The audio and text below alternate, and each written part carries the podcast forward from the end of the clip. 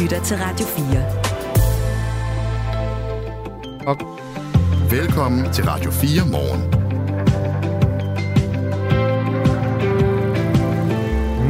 Klokken er blevet 5 minutter over 8. Det er Kasper mm. Harbo og undertegnet Mette Vivutson, som er i studiet. Og i den næste times tid skal vi blandt andet tale med en baglands socialdemokrat, kan man vel nærmest kalde det, om, hvordan den danske regering stadig fastholder den her plan om at sende migranter til Rwanda.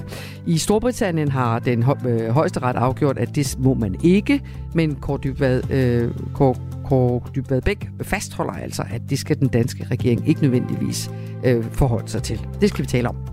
Vi skal også tale med og om et øh, Dansk Dagblad, en formiddagsavis ved navn Ekstrabladet, som man jo altid har forbundet med en, lad os kalde det, direkte og uhøjtidelig tone. Find dig i Ekstrabladet, eller find dig i hvad som helst. Men øh, nu har man simpelthen taget et opgør med det der. Der, der er en kulturændring på Ekstrabladet, og allerede der kan man mærke sådan et sammensted mellem kulturer, ikke? Man skal til at tale bedre til hinanden. Altså, der, der er spørgsmålene tårner sig op, men øh, vi ved, at Jonas Sal, der er politisk journalist på Ekstrabladet og arbejdsmiljørepræsentant, han kan føre ordet over for det der med, at man øh, ikke længere skal finde sig i hvad som helst i forhold til den måde, man taler til hinanden. Hadtalen skal simpelthen afskaffes. De har jo en gammel mand, der sidder og anmelder musik, der hedder Thomas Treve, som er noget Synes du, mest, han er hadsk? Han er i hvert fald øh, det mest perfide øh, menneske i dansk øh, dagspresse. Så det er jo et af de spørgsmål, man kan stille. Skal han så ud, eller vil jeg bygge et, et skur til ham, eller hvordan håndterer jeg det? Kulturændring på Ekstrabladet, det er også meget sjovt. Det gør vi 20 minutter over 8 her i Radio 4 morgen, hvor vi også skal kigge på Kina og USA, om de er blevet bedre venner, efter at deres øh, statsledere har stået og givet hinanden hånden. Det retter med det, ikke? Jo, den er god nok. Og du, Kasper? Ja, klokken er 7 minutter over 8. Det her er Radio 4 morgen. Ældreplejen skal i fremtiden byde på kunstig intelligens, smarte sensorer og robotter. Det drejer sig om såkaldt velfærdsteknologi, der skal gøre livet bedre for de ældre, og i øvrigt lette presset for de sundhedsvæsen, der mangler varme hænder.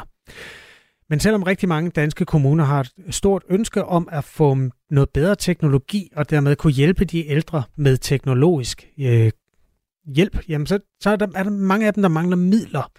Øh, Birgitte Østergaard Sørensen, hun er forretningsleder ved Teknologisk Institut, som har talt med over 80 kommuner om, hvordan man bruger teknologien, og hvorfor man ikke gør det. Der er lavet en undersøgelse blandt landets kommuners ældreråd. De vil også gerne have mere teknologi, for de kan godt se, at alternativet er ingenting.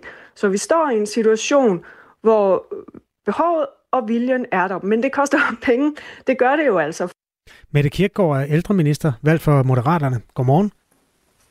Godmorgen. Det lyder, at potentialet for at indfase al den her teknologi, det er rigtig stort, og der er en hel masse gevinster ved det. Der er sikkert også nogen, der rynker brynene lidt, når man siger robotter og ældrepleje øh, samtidig. Så lad os starte med den positive side af mønten, og så tager vi det andet bagefter. Hvor stort er potentialet lige nu? Øh, jeg mener, der er et kæmpe potentiale, øh, fordi som I også var inde på øh, i indslaget, så er det jo både noget, der kan styrke de ældres selvbestemmelse frihed til at gøre ting på egen hånd og have større værdighed. Øh, det kan bidrage til øh, den kæmpe udfordring, vi står med arbejdskraft, fordi at øh, arbejdskraften kan bruges, eller de gode omsorgshænder kan bruges der, hvor der er brug for dialog og faglighed og relationer, og så er det jo også en spændende mulighed for vores øh, danske erhvervsliv og det mange danske producenter, fordi det er jo sådan, at der faktisk findes rigtig meget øh, teknologi øh, derude. Alt fra sensorer til skærme til digital øh, genoptræning til spiserobotter til, til øh, en række, lang række andre ting. Men det er lige præcis implementering og skalering, som, som det kniber med. Så der er et kæmpe potentiale, der bare ikke er blevet øh, ordentligt indfriet endnu. Og nu taler vi meget i store linjer. Kan vi blive konkrete på, hvad er det, der vil kunne give et ældre menneske øh, noget mere personlig frihed? Hvad er det for en, en opfindelse, der kan hjælpe der?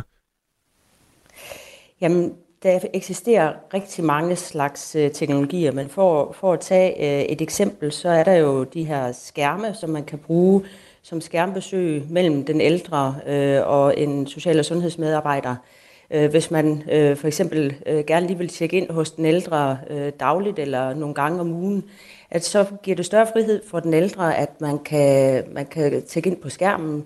det man faktisk ser på, på de ældre, det er, eller tilbagemelding fra de ældre, det er, at det faktisk giver større oplevelse af nærvær, fordi du har øh, social- og sundhedsmedarbejderne i længere tid, så at sige, og du kan i højere grad tilrettelægge det, så det er den, så det er den samme medarbejder, der er der.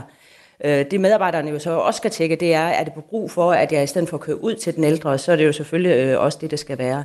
Et andet eksempel er øh, med sensorer i, i blæer. Altså er man øh, sådan, at man har brug for at sove med blæ øh, om natten, øh, også som, som ældre, så i stedet for at skulle vækkes eller egentlig risikere at gøre sengen våd, så kan man have en sensor, der, der så snart der øh, er blæen er våd, mm. at så kan, man, kan, man, øh, kan, kan den registrere det, og så kan der komme en medarbejder og hjælpe med at, at tørre blæen. Og det forebygger jo øh, en række ubehageligheder mm. øh, for de ældre. Og sådan er der en lang, lang række af forskellige typer af, af, af digitale teknologier, øh, som, som kan hjælpe, altså give en større frihed for de ældre, men egentlig også have en større øh, værdighed. Jeg kan faktisk godt lide men, at tale men... om velfærdsteknologi som værdighedsteknologi. Men nogle af dem kan ikke engang sende en sms-besked. Hvordan skal de kunne finde ud af at sidde og snakke med et menneske på en skærm? Ja, og der har du nemlig fat i noget virkelig, virkelig vigtigt, og det er, at vi bliver nødt til hele tiden at have den, både den enkelte ældre med, øh, og også nu hørte jeg jo i jeres indslag, at ældrerådene er meget positivt stemte. Det her må ikke øh, heller gå for hurtigt, og det vil altid være sådan, at man skal tage bestik af den konkrete øh, ældres øh, situation. Øh, er det en mulighed? Er det noget, der kan ses som hjælp? Eller er det omvendt noget, man kan være lidt nervøs for eller utryg ved? Så skal man jo øh, først og fremmest også starte i dialogen, øh, og, og det skal i hvert fald altid være sådan, at, at man også som ældre skal kunne se sig i den konkrete løsning, øh, som det er. Så dialogen er selvfølgelig utrolig, utrolig vigtig.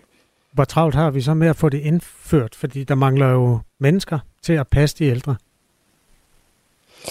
Ja, altså jeg tror, vi skal indføre det i et tempo, hvor, hvor ældre er med, hvor kompetencerne er med, fordi det her handler jo også om, at medarbejderne skal også have nogle andre typer af kompetencer, hvis de for eksempel skal øh, manøvrere med en, med en, øh, med en, øh, med en sensor, der også kan, kan forebygge øh, faldulykker. For eksempel, det kræver nogle andre typer øh, af kompetencer.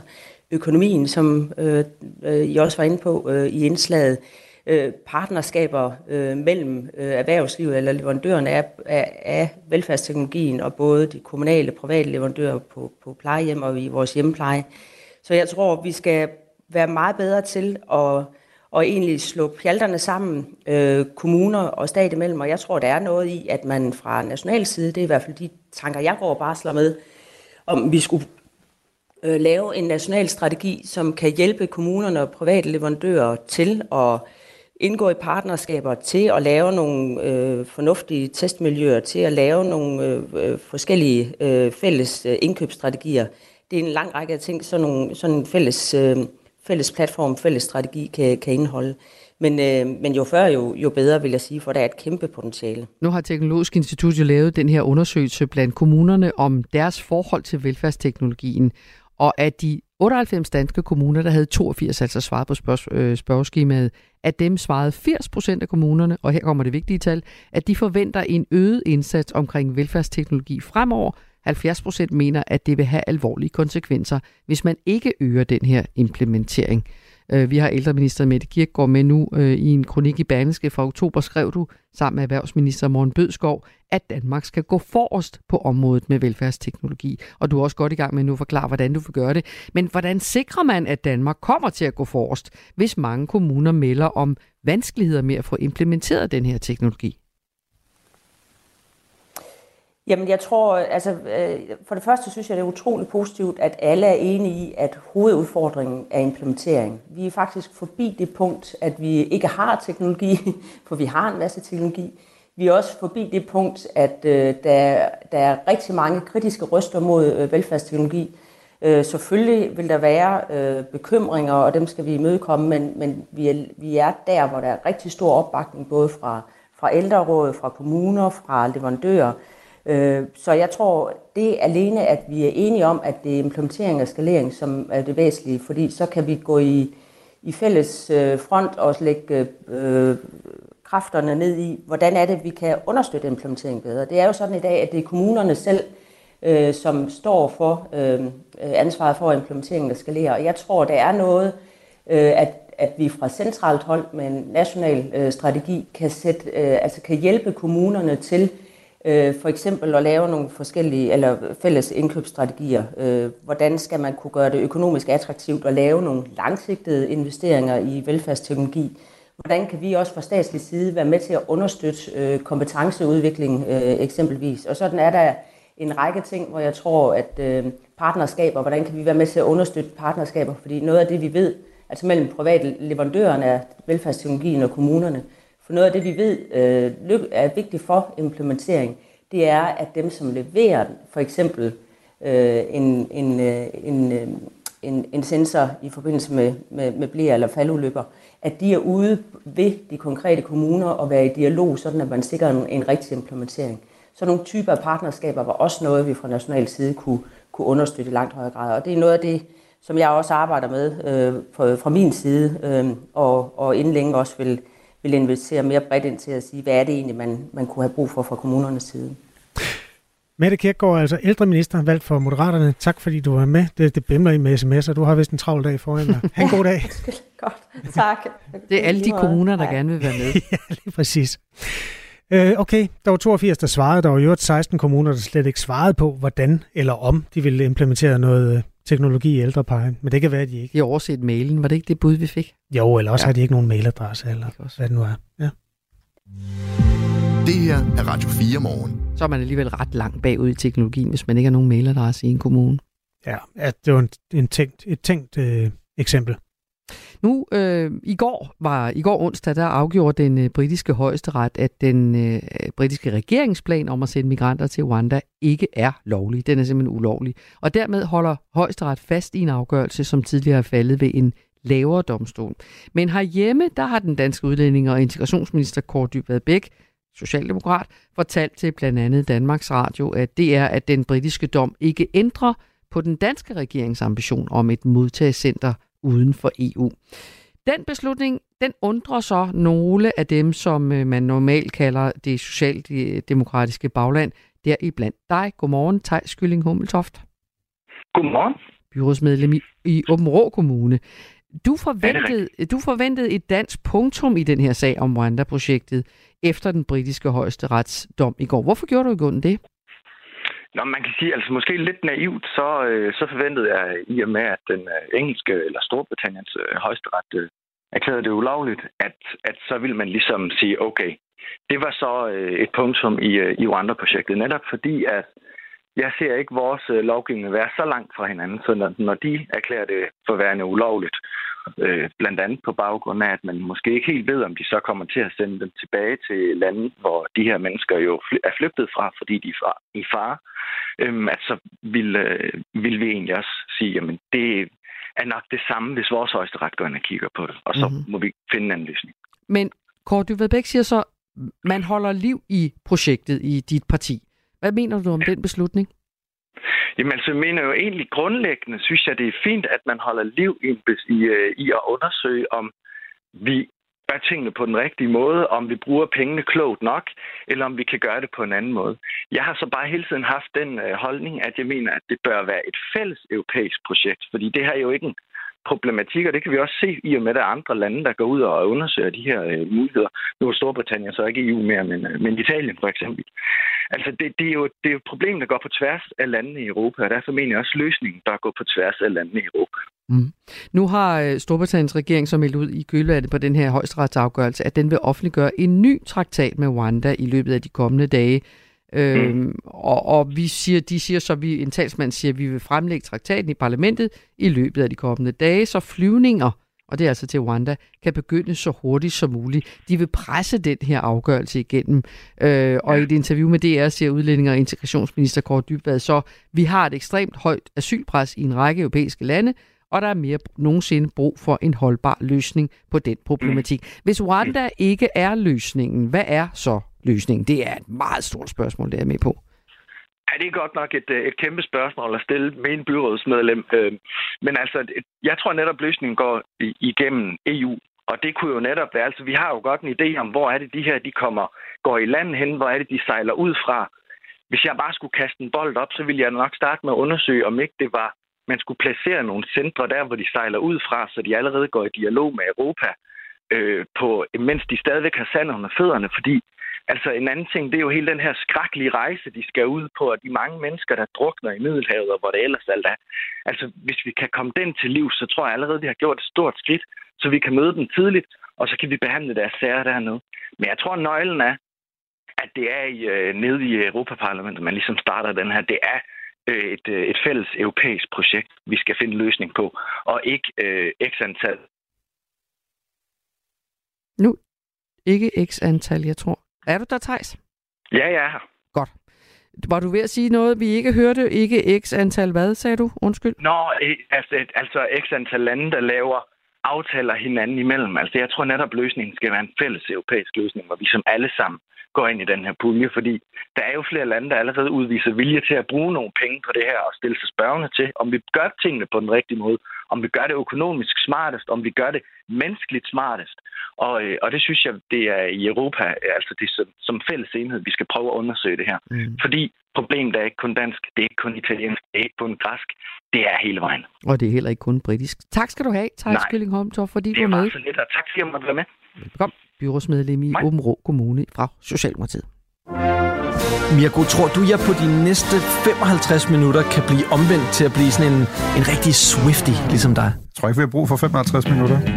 Only in America er Danmarks eneste program dedikeret udelukkende til amerikansk kultur. Er det nu, at vi sætter Crimea River på?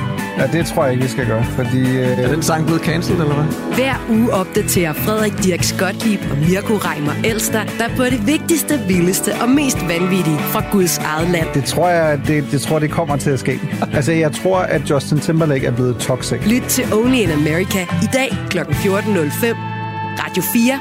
Ikke så forudsigeligt. Ekstrabladet har altid været den hårde nyser blandt de danske dagblade. Find dig i Ekstrabladet, eller find dig i hvad som helst, som et gammelt slogan fra 1999 hed.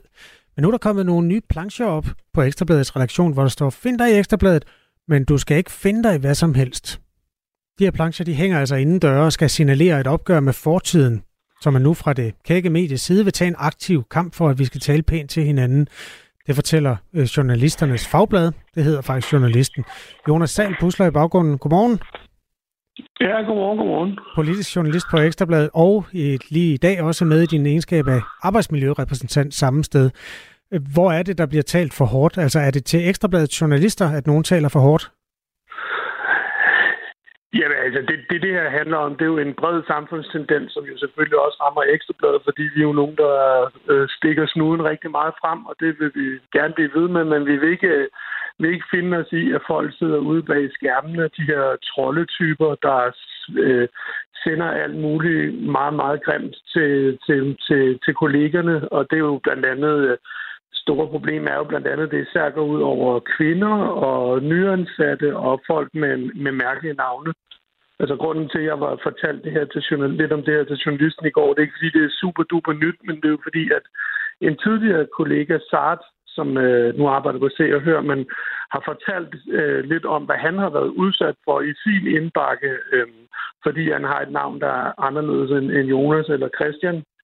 Øh, ja, og så har jeg bare fortalt om øh, lidt om, hvad, hvad det er, vi har gjort de seneste par år her, for at, for at gå op imod det her hadtale og skidtsnak, og hvad man ellers skal kalde det, som jo desværre er en ting i samfundet. Mm, hvordan harmonerer det med, at Ekstrabladet er den, den frække dreng i klassen, og jo aldrig sådan lægger fingrene imellem, når der er nogen, der, der skal have en over snuden? Ja, altså, det harmonerer på den måde, at øh, vi vil jo ikke gå på kompromis med, at vi fortsat skal være øh, den avis, som fortæller tingene, hvordan det er, og øh, ikke køber spin og alt muligt andet. Men derfor skal man stadigvæk øh, skrive ordentligt til vores journalister, øh, hvis man har noget feedback. Og det er vi super afhængige af. Vi elsker feedback, øh, og vi elsker kontakt med læserne. Jeg tror, vi er et af de medier, øh, landstækkende medier, i hvert fald, der har mest af det. Så derfor har det også været en super stor overvejelse i forhold til, at nu, hvis man klikker på vores byline, så kommer man ikke bare direkte ind i vores indbakke. Så får man en lille besked om, at man skal huske at, at skrive pænt til os. Og det tror jeg er fordi, at øh, øh tiderne skifter, og vores redaktion bliver jo også yngre og yngre. Altså, jeg, jeg er 42 år, og jeg er en af ved at være en af de gamle drenge. Så, så sådan en som mig, jeg, hvis man måler det på mig, så kan jeg nok godt klare tingene, fordi at, øh, jeg er også en hvid mand, og jeg bliver slet ikke udsat så for meget, men vi ansætter også øh, unge mennesker, øh, rigtig mange unge mennesker, og vi har hele tiden praktikanter igennem, ligesom alle andre medier, og dem skal vi sørge for øh, også øh, ja, så basically kan gå på arbejde uden at blive syge af det, og ikke, de skal ikke stå øh, på mål for alt det, som Ekstrabladet er for mange mennesker. Ekstrabladet er for mange mennesker en bøgemand, ikke? Ja. men det er almindelige mennesker, der skriver Ekstrabladet. Nogle af dem. Øh, lad os, vi skal snakke om Thomas Treve om lidt, men øh, start lige med at komme med et eksempel på det værste, du har set.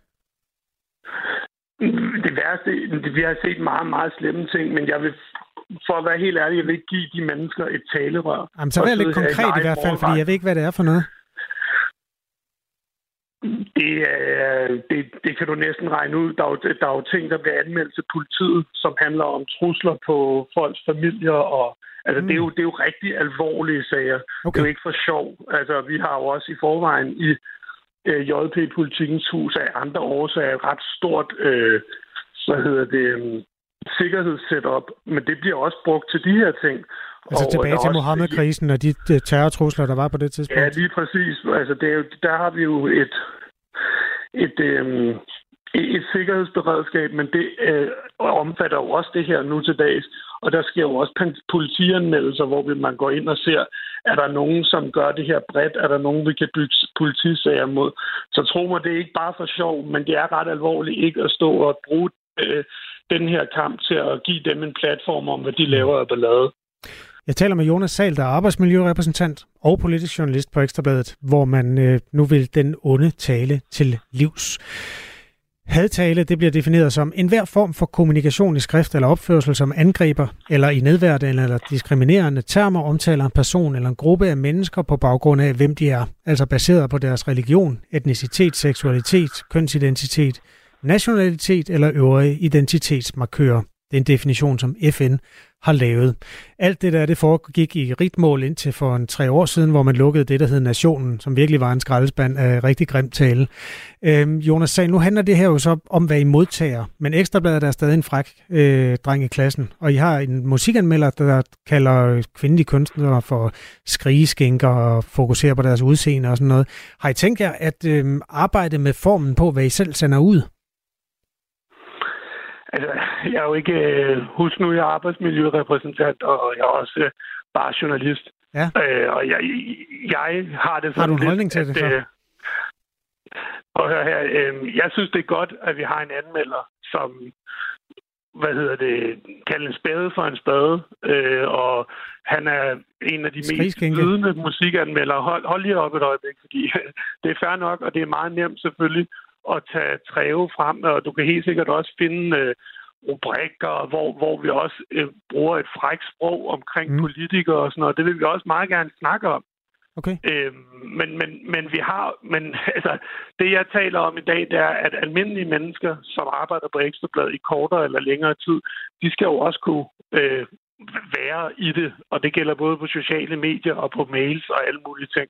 Så er det klart, at når man øh, stikker kinden frem, så får man også en lussing en gang imellem, og det er der ingen tvivl om, at det får Thomas Treve i den grad også. Og han er til stede i den offentlige debat, og tager også den, den offentlige debat, men det er jo en, det er jo en anden, det er jo lidt en anden snak, synes jeg. Jeg synes, det er ja. lidt blandet pære, æbler og pære. Ja, det forstår jeg godt. Thomas Dreve, ja. han er nu ikke særlig god til at stille op til interviews, men det skal du ikke stå på mål for.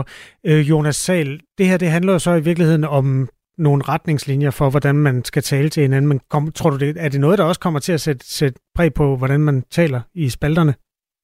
Men det, det, det, er jo det, som, det er jo den snak, man selvfølgelig har med hinanden hele tiden. Øh, fordi at vi, jo, øh, vi lever jo ikke i en, en lille boble, hvor at, øh, at, hvad hedder det, at verden ikke også påvirker ekstrabladet, så ekstrabladet forandrer sig jo hele tiden også.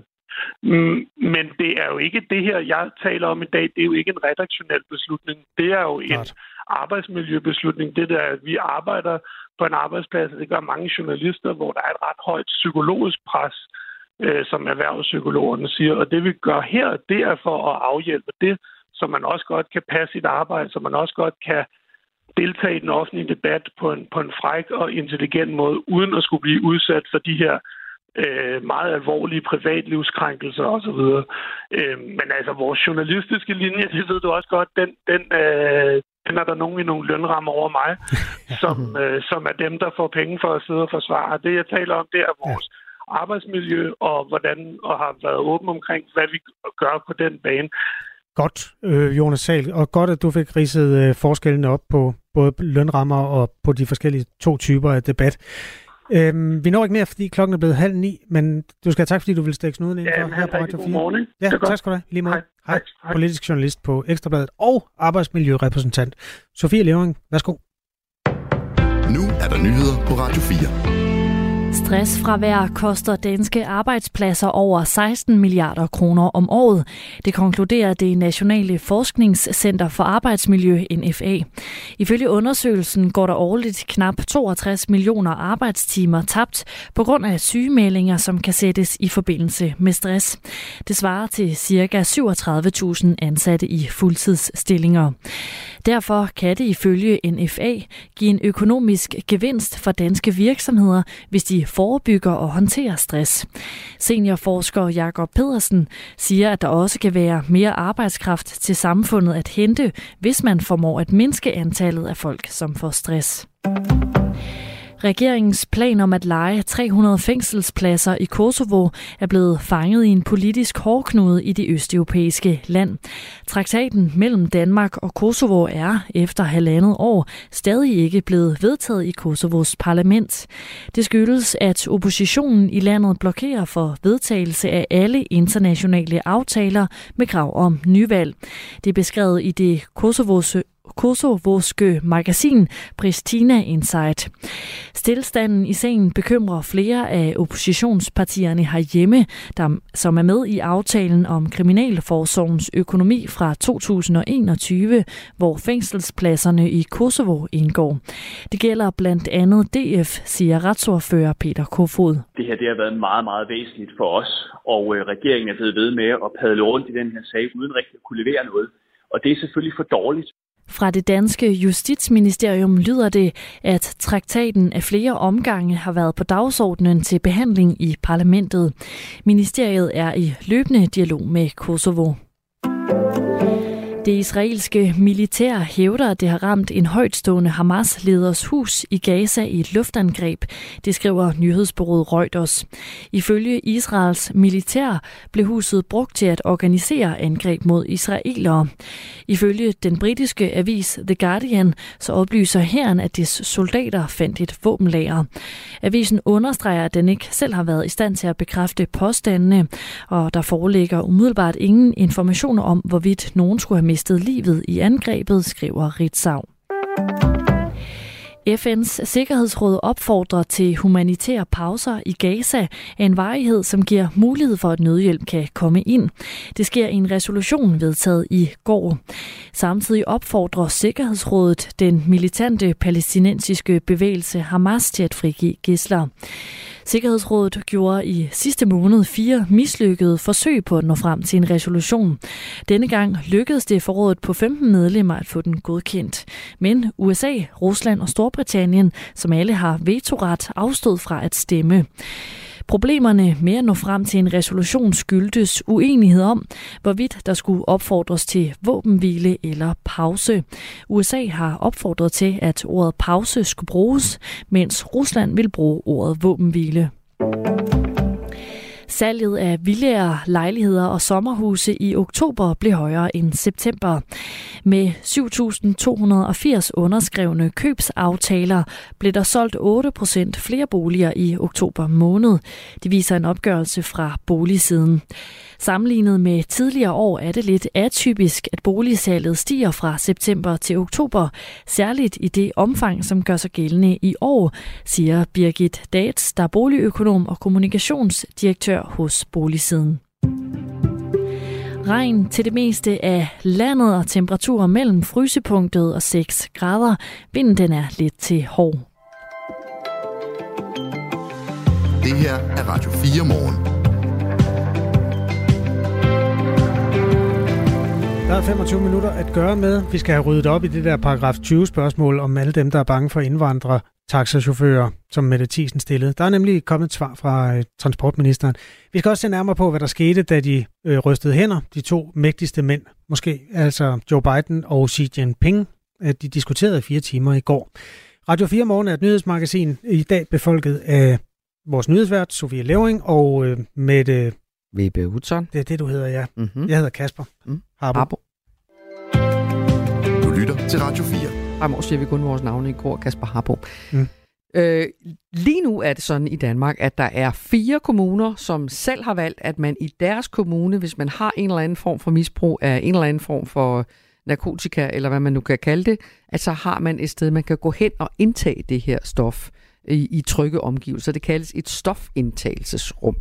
Øh, men de her stofindtagelsesrum i de her fire kommuner, de bliver også brugt af, af alle mulige andre, som bor andre steder rundt om i landet. Så man kunne spørge, hvis ansvar er det, at Danmark har stofindtagelsesrum til misbrugere, der gerne vil fikse sikkert, for eksempel i hele landet. Øh, I Aarhus og Odense, hvor der er stofindtagelsesrum, har de ved at have haft besøg af misbrugere fra 50 andre kommuner, og i København har de sådan set haft besøg fra alle landets kommuner. Godmorgen, Anne Godfredsen. God morgen. Du er det, der hedder udsatte ordfører for Moderaterne, så du har en, en stor baggrundsviden om, øh, om lige præcis det her. Og derfor kan man jo godt sige, hvis ansvar er det, at alle, der har et eller andet behov for, for de her trygge omgivelser, når de skal for eksempel fikse, at de har et sted at gå hen. Er det statens, eller er det kommunernes? Altså, det, det, det tænker jeg altså egentlig ikke er så øh, enkelt at svare på. Det er vel vores allesammens. Øh, jeg har jo selv kæmpet kampen, før jeg kom ind på borgen i 25 år. Øh, også for fikserum, og det var vi Gud op af bakke mm. i rigtig mange år. Og så Men- Men... kommer det. Og hvor var det fantastisk, og det kom også, blev født der i 12 med en statslig først finansiering, så medfinansiering i en øh, aftrapningsmodel. Øh, og det var da helt sikkert med til, at det faktisk gik ret hurtigt de første par år med i hvert fald at lande i de største Men, byer. men det er jo så fortiden, som jo er vigtigt, når man ser på nutiden. Men nutiden er jo bare, at der er kun fire kommuner, som skal tage sig, eller det skal de ikke engang, for det er egentlig øh, for, fortrinsvis for deres egne borgere i de kommuner. Men på en eller anden måde kommer de til at tage sig af alle landets misbrugere. Så burde staten ikke være med til at finansiere de her stofindtagelsesrum? Jeg synes bestemt, der er grund til at øh, kigge øh, på øh, finansiering og medfinansiering. Det, der er, går helt skævt her, er nok, at, øh, at regionerne er jo dem, der sparer allermest, nemlig reduceret antal indlæggelser på dyre afdelinger, øh, infektionsmedicinske afdelinger for eksempel. Og det helt sådan absurde er jo, at det, at stofbrugerne bruger stofindtagelsesrum, øh, det, får, altså det, det finansierer sig selv.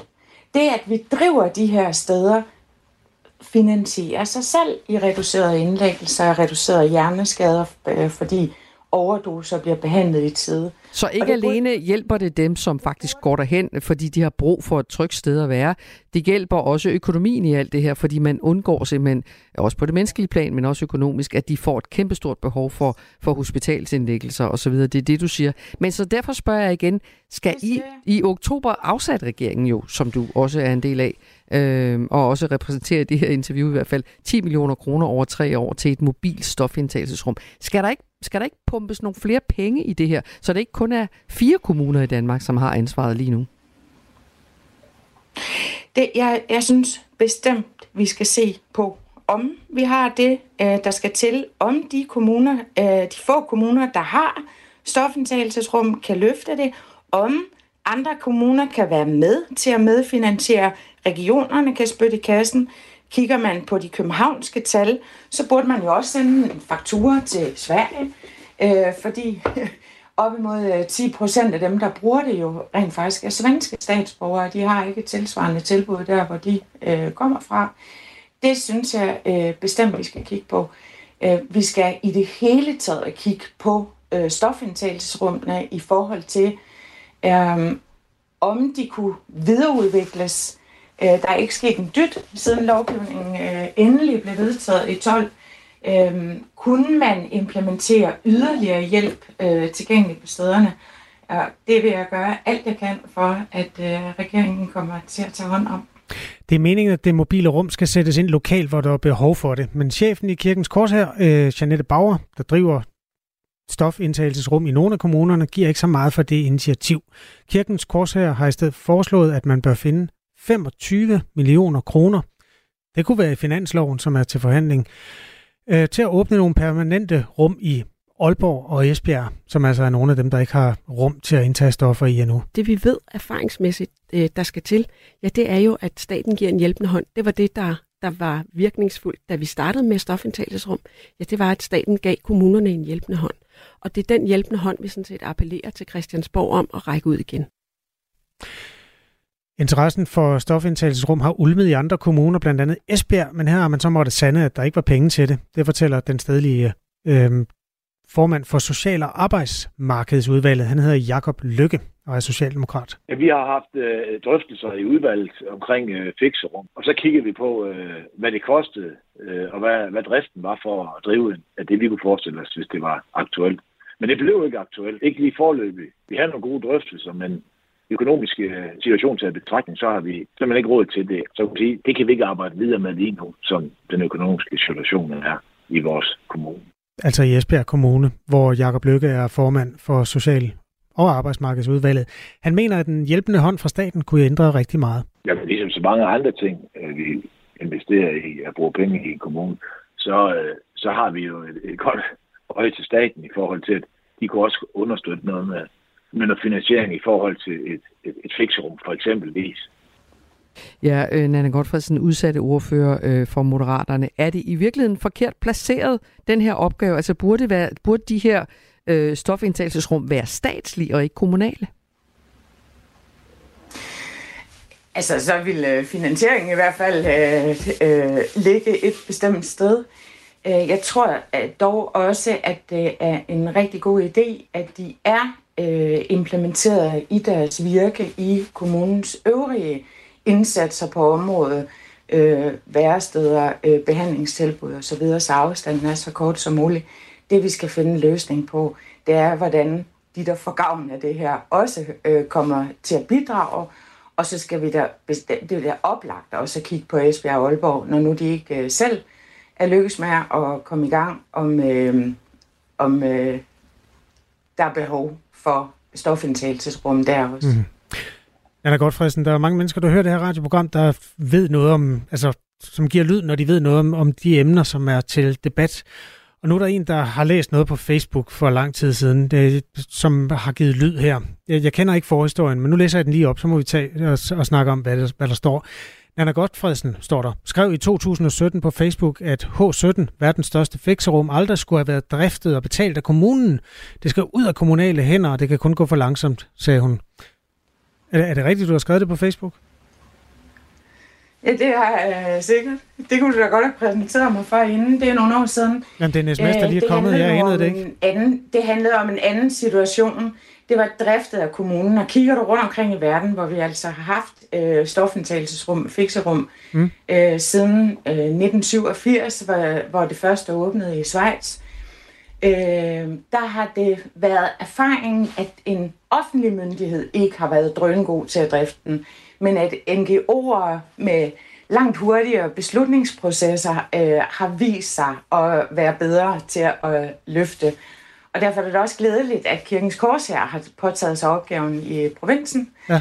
Øh, så på det tidspunkt var H17 driftet af kommunen, og øh, overgik så til en NGO dengang. Så det er en ja. anden historie.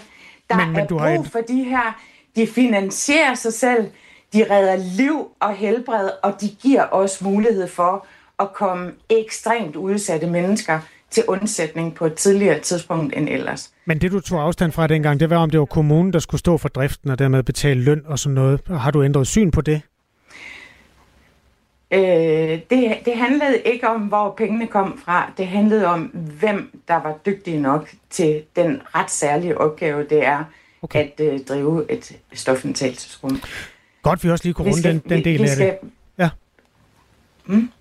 Ja. Nå, men øh, tilbage til hovedsporet, Anne Godfredsen, fordi nu er der i hvert fald på en eller anden måde, at det her altså åbenbart en succes, så stor en succes, så også øh, stofbrugere på tværs af kommunerne, de er sådan set lidt ligeglade med kommunegrænser. De vil gerne have, at, som du netop sagde, de her trygge rum at, at være i. Så skal vi, jeg hører dig sådan, at du siger, at nu bliver finansloven forhandlet, og du vil gerne slå et slag for, at der kommer flere midler til stofindtagelsesrummene rundt om i kommunerne. Jeg vil gerne have, at de kan fungere, og at, de har, at der er tilstrækkelig øh, tilgængelighed. Det er en anden diskussion, vi også skal have. Øh, øh, stofindtagelsesrummet i Aarhus, som Kirkens Korsager driver og lukker øh, midt på eftermiddagen, så er det ikke åbent om aftenen og om natten. Øh, jeg vil også gerne have, at vi gør det på et øh, oplyst grundlag, at vi får afklaret, hvad behovet er. Mm. Det vi ved fra forskningen er, at i byer med meget store øh, åbne stofscener, er der et behov. Hvad med i mindre byer? Hvordan ser behovet ud der? Mm. Behovene er forskellige. Der er kæmpe forskel på gaden i Odense og gaden i København. Lad os kigge ind i det. Øh, også i forhold til Esbjerg og Aalborg. Hvad, ja. Altså, hvad er der af behov? Og lad os så få dækket behovet, også med tanke på, at det her, det finansierer sig selv og mere til i øvrigt. Tak skal du have, Nana Godfredsen, fordi du var med os udsatte tak, ordfører for Moderaterne. Det her er Radio 4 morgen. Husk, at du kan sende os en sms 1424. Vi skal tale lidt om Rockwool, fordi nu skete det endelig. Efter det ene skriftlige svar efterfulgt af det andet, hvis man ellers var heldig, så øh, gav den store danske industrikoncern altså et interview i går. Og Rockwool har jo været til diskussion, fordi øh, Rockwool stadig er aktiv i Rusland. Det skete i øh, programmet P1 Morgen, hvor Rockwools bestyrelsesformand Thomas Kæler var med i et interview og svarede på, hvorfor koncernen ikke har trukket sig ud af Rusland endnu. Grunden til, at vi har valgt at fortsætte øh, vores passive ejerskab af det russiske selskab, er alternativet. Det eneste øh, mulige alternativ, vi har, er at frasige os ejerskabet, og så vil hele overskuddet, som selskabet genererer, forblive i Rusland.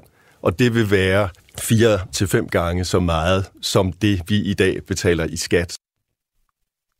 Grunden til, at han stillede op, er, at Rockwool er kommet på Ukraines liste over det, de kalder internationale krigssponsorer. Det er altså en sort liste, kan man godt sige. Øh, og det er Rockwool kommet som den første skandinaviske virksomhed. Danwatch, og det er et undersøgende øh, medie, og Ekstrabladet har tidligere afdækket, hvordan Rockwool systematisk og bevidst har forsynet den russiske flåde med 100.000 vis af kvadratmeter skibsisolering, som så er anvendt i nogle af de mest avancerede fartøjer i den russiske flåde. Men med deres fortsatte aktiviteter i Rusland, så, citat, står Rockwool på den forkerte side i krigen mellem et demokrati og auti autokrati hedder det. Det mener Kasper Rov, som er medlem af Folketinget for Socialdemokratiet og landdistrikts- og øordfører, samt også veteranordfører, og ham talte vi med tidligere på ugen. Vi har jo altså haft 40.000 danskere, som, som har været som veteraner ude og kæmpe både for demokratiet, de har også kæmpet for menneskerettigheder, og så har vi et øh, autokrati som Rusland, som angriber et europæisk øh, demokratisk land. Og så saksus med, så begynder, eller så fortsætter Rockwool deres aktiviteter uden at have nogen plan for at komme ud af Rusland. Det, det, er, jo, øh, det er jo pinligt, og jeg synes, det er, det er skamligt, hvis jeg skal være helt ærlig. Der er også andre virksomheder, der, der gør det samme. Ego for eksempel også. Men nu er Rockwool så kommet på den her øh, øh, sponsorliste fra, fra Ukraine, som jo er endnu mere pinligt. Kasper Rov giver ikke meget for Rockwools forklaring om, at de er gået med, øh, de er gået med den, det, de kalder den bedst mulige løsning. Det, her det får jeg ganske enkelt en depression af, at man på den måde tænker cool cash i det tilfælde her. Jeg vil gerne lige understrege igen. Rusland er jo sådan set et naboland til Danmark. Altså Kaliningrad-området ligger ikke så langt fra Danmark også. Og øh, Ukraine er et demokratisk land, der bliver angrebet af Rusland. Altså hvad havde Rockwool forventet, når du går ind og laver øh, virksomheder eller laver øh, forretning i et autokrati, jamen så er der jo ikke nogen regler, som, som gælder. Jo, der er masser af regler, men der er også altid undtagelser for dem. Bare spørg Carlsberg, så troede de jo på vej ud, men så lige pludselig fik at vide, at, at der er nogen, der har taget deres aktiviteter i Rusland. Altså, hvad, hvad, hvad har Rockwool forventet? Den mindst onde for Rockwool? Ja, det kan jeg forstå. Det, det, det må jeg sige, og det er også derfor, jeg siger, at de er, de er på den forkerte side af historien. Det her, det er, det er anløb moralsk set, og det, det, jeg kan ikke øh, nok tage afstand fra det. Og så lød det altså fra Kasper Rov, som er medlem af Folketinget for Socialdemokratiet og landdistrikts- og øordfører, også veteranordfører, og ham talte vi med tidligere på ugen. Radio 4. Ikke så forudsigeligt. Please, have a seat. As you know, I just concluded several hours the meetings with President Xi, and I believe that are some of the most constructive and productive discussions we've had. Det her det er Joe Biden, præsident i USA, som i går mødtes med Kinas Xi Jinping i fire timer. De sad simpelthen og diskuterede i Kalifornien.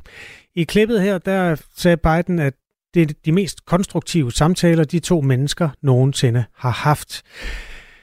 Især to udmeldinger efter det her møde har fået opmærksomhed. Den ene drejer sig om Taiwan, og det andet er et globalt sikkerhedspolitisk anlæggende og noget om en telefonlinje. Rasmus Brun Petersen er lektor ved internationale studier på Aarhus Universitet. Godmorgen. Godmorgen. Vi må tage dem et af gangen. Den med Taiwan, hvad var det? Jamen, øh, Taiwan er jo øh, sådan den store knast, i, eller en af de store knaster mellem relationerne mellem USA og, og, og Kina. Og noget af det, der blev selvfølgelig også drøftet på det her møde, det var, det var Taiwans status, øh, fordi Kina har gjort krav på, at øh, Taiwan sådan skal indlemmes i, øh, i, øh, i, øh, i, i, i, i, Kina. Og USA har på den anden side altså udstået en form for sikkerhedsgaranti til, til Taiwan. Og det, der sådan er udfaldet af mødet her, det er sådan øh, lidt forskelligt. Hvis man kigger de kinesiske medier, jamen, så siger kineserne, at USA som har, har lovet øh, at øh, Taiwan ikke kommer med øh, i, øh, ind, ind i Kina, og amerikanerne altså har et lidt andet syn på det her. Men altså, det er jo en af de store knaster, øh, som bliver diskuteret, men altså i øjeblikket ser det ud som om, at øh, status quo bliver i en eller anden forstand bevaret. Så, men, men status quo er ikke noget godt, er det det? Jeg synes, at bølgerne er gået temmelig højt. Ja, og, og det er jo selvfølgelig øh, det er jo spørgsmålet, om det er godt eller skidt, fordi øh, man kan sige set fra, altså nogle gange kan det jo også være en succes, at øh, der ikke sker noget. Fordi øh, hvis øh, Kina ikke øh, kommer længere i deres krav, set fra amerikansk perspektiv og taiwanesisk perspektiv i forhold til at inddæmme øh, Kina, jamen så, så er det jo sådan set et kompromis. Det er en aftale, der, kan, der man kan leve med.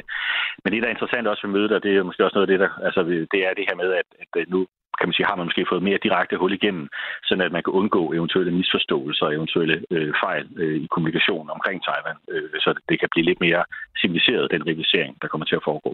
Og nu siger du hul igennem. Det er faktisk det, de aftalte. Fordi øh, Xi Jinping siger, at USA og Kina er blevet enige om at gentage de direkte militære kommunikationslinjer.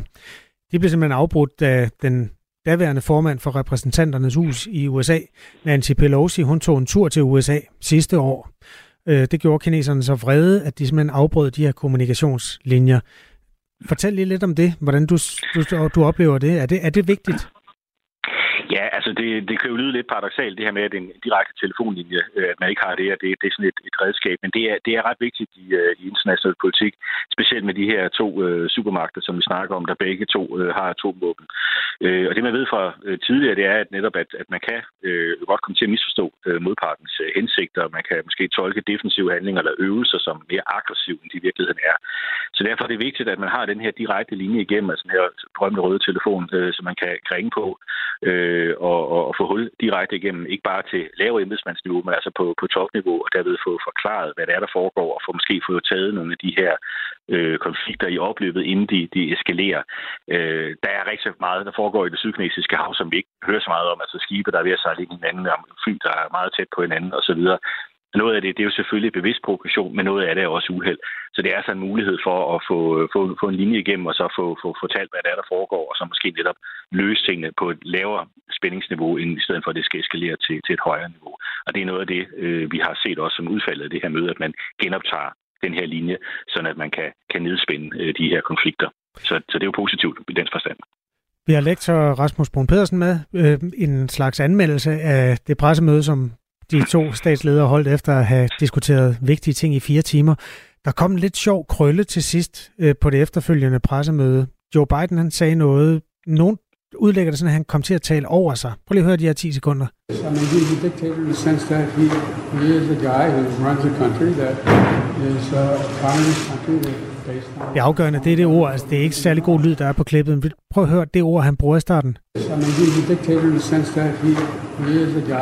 Dictator Må man godt sige diktator om en anden statsleder? Øh, altså man kan sige, det er, jo, det er jo ikke noget, der gør nødvendigvis øh, stemningen øh, bedre i, i rummet, øh, fordi man kan sige, at diktator er jo meget negativt lavet udtryk, og det her med at gå ud og kalde, efter man har haft det her møde, altså netop at og så gå ud og sige, at han er en diktator, altså det, det kan måske godt opfattes øh, negativt fra kinesisk side, men man kan også sige, at altså set fra Bidens perspektiv er det også vanskeligt at, at, at, at, at gå tilbage fra det her udsagn, fordi det er noget, han har været ude og, og sige tidligere og forsvaret tidligere også. Så det bliver han jo nødt til at fastholde øh, sin udlægning af, og det man måske så heller ikke helt kan høre på, på klippet her, det er jo så netop, at jamen, det er, at han, han er leder af et ikke-demokratisk system, og et system, der er anderledes end, end det amerikanske, så derfor er han diktator. Men derved ikke sagt, at man ikke kan snakke med dem og de, have, have dialog med dem. Og det tror jeg også er vigtigt at fastholde, at, at det der også bliver øh, altså en del af det her møde, i det hele taget bare det her, at det er her et møde efter alle de her besværligheder, der har været med at etablere det, jamen det er jo et udtryk for, at man, man gerne vil dialogen, og man også ser et behov for det, den her overordnede strukturelle rivalisering, der er mellem amerikanerne og Kina. Godt, du vil hjælpe os med at høre det uldende klip og forstå, hvad han sagde og hvordan det bliver modtaget. Rasmus Brun Pedersen, tak fordi du øh, vil hjælpe os endnu en gang. Jamen selv tak. Lektor ved internationale studier på Aarhus Universitet. Du lytter til Radio 4. Normalt så er altså nogle paragraf 20 spørgsmål til ministre. Det er ikke noget, vi bruger så forfærdelig lang tid på. Øh, det er også Eller, et meget kedeligt navn, ja, de har. det er det, paragraf 20. Det er også fordi, det er jo ikke lavet for vores skyld, kan man sige. Det er lavet for, at man kan stille øh, spørgsmål til ministerne. Men i går var en lidt anderledes dag, for der brugte vi faktisk ret lang tid på et såkaldt paragraf 20 spørgsmål. Hvad agter ministeren at gøre primært for at skabe tryghed for de kvinder, som i den kommende julefrokostsæson ikke er trygge ved at hyre en taxi nu, hvor rigtig mange af taxichaufførerne er indvandrere? Ja, det her det var lyden af Mette Thiesen fra Dansk Folkeparti, som stiller transportministeren Thomas Danielsen en paragraf 20 spørgsmål inde fra Folketingssalen. Og det er et af de spørgsmål, som vi... Altså, vi havde besøg af Mette Thiesen i går. Hvorfor sidder du og ryster på hovedet hele tiden? Øh, Kasper, er det noget, jeg skal vide noget om? Nej, nej, nej. jeg gjorde bare tegn til vores producer, nå, Stefan. Nå. Der foregår en masse samtaler, som du ikke er med i. Okay, jeg må hellere spørge. Nå, men vi havde besøg med Thiesen i går. Vi spurgte hende om det der med, hvad havde det i grund med, hvor folk kom fra, og hvad havde hun egentlig af argumentation, hvad havde hun egentlig af, af fakta til at bakke det her paragraf 20 spørgsmål op. Så altså, hvad agter ministeren at gøre primært for at skabe tryghed for de kvinder, som i den kommende julefrokostsæson ikke er trygge ved at hyre en taxa, nu hvor rigtig mange af chaufførerne er indvandrere, spurgte hun ministeren om. Det var et spørgsmål, som vi også stillede til de taxachauffører, vi, som står hernede på gaden, og som vi talte med i går. Det er da træls. Det er da pisse træls. Altså, vi er jo blevet set anderledes på i mange år af alle mulige grunde. Ikke? det er lige meget, om vi kører taxa eller ej. Altså, ser de os på gaden, så er de jo også bange. Så at køre taxa, det er ikke det, jeg tænker, at det skal være problemet. Ja, sådan her sagde chaufføren, som hedder Sean. Og så havde vi som sagt Mette Thiesen med øh, på en telefonlinje. Vi havde dog ikke transportminister Thomas Danielsen med i går, så her kommer lidt af, hvad han i grunden svarede på det her paragraf 20 spørgsmål. Ministeren?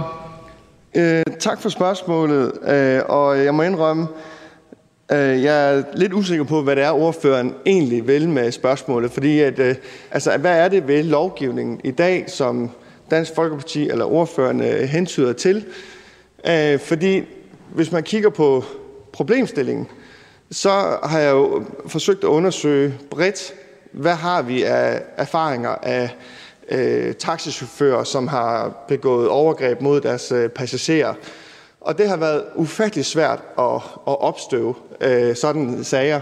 Altså hvis det er følelserne, altså bekymringen, du taler om, så er det jo derfor, jeg ikke kan måle det i statistikken. Altså jeg kan jo ikke se i statistikken, øh, altså jeg kan jo se, at der ikke, stort set ikke begås nogen kriminalitet øh, af taxichauffører.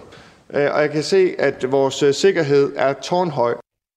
Ja, så vidt altså Venstres transportminister Thomas Danielsen, som ikke han havde svært ved at se problemet. Øh, og på den note, så lukker vi det for at det her paragraf 20 spørgsmål og lægger det pænt hen på hylden. Godmorgen. Radio 4. Ikke så forudsigende. Det vi kan love, det er, at vi de følgende dage også kommer til, eller i hvert fald i morgen, vender lidt tilbage til det her øh, alkoholprojekt, som handler om, kan, man, kan det lade sig gøre at lave en hvid december? For dig? Ja, øh, jeg har jo meldt mig til at prøve det af. Mm-hmm. Det har mhm. jeg aldrig nogensinde prøvet før i mit liv. At gå gennem den her måned uden at drikke. Der er øh, mange, der har skrevet til os desangående, og jeg vil gerne lige åbne porten igen, hvis man har lyst til at være med på det forsøg. Det kræver altså, at man normalt drikker alkohol. At man har lyst til at prøve at være med på ikke at drikke alkohol en hel december måned. Så kan du skrive en mail til KHA.